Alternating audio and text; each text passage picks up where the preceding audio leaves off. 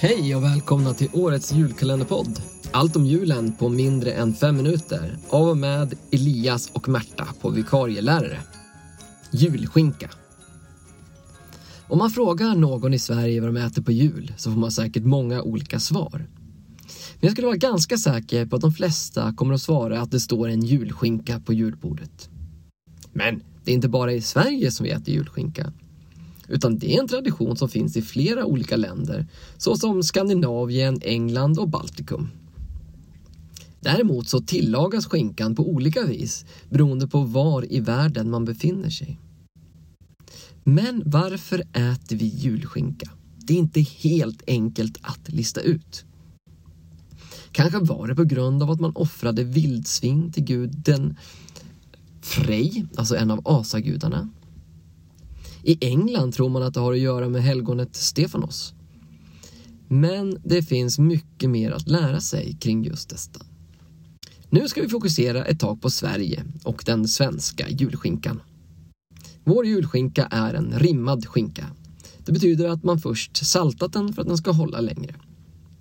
Men oftast har den först kokats eller gjorts i ugn och sedan griljerats med senap. Julskinkan anses av många i Sverige som obligatorisk vid jul och dukas fram på julafton och under de övriga juldagarna. Den brukar serveras tillsammans med senap eller med äpplemos. Rester av julskinkan kan användas i annan matlagning.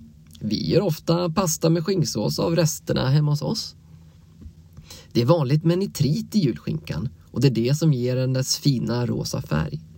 Utan nitrit blir julskinkan mer gråaktig.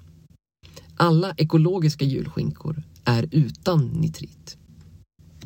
I Sverige har vi första gången om julskinka av Olof Rubeck kring slutet av 1600-talet. Då var det mat som enbart de rika hade råd med.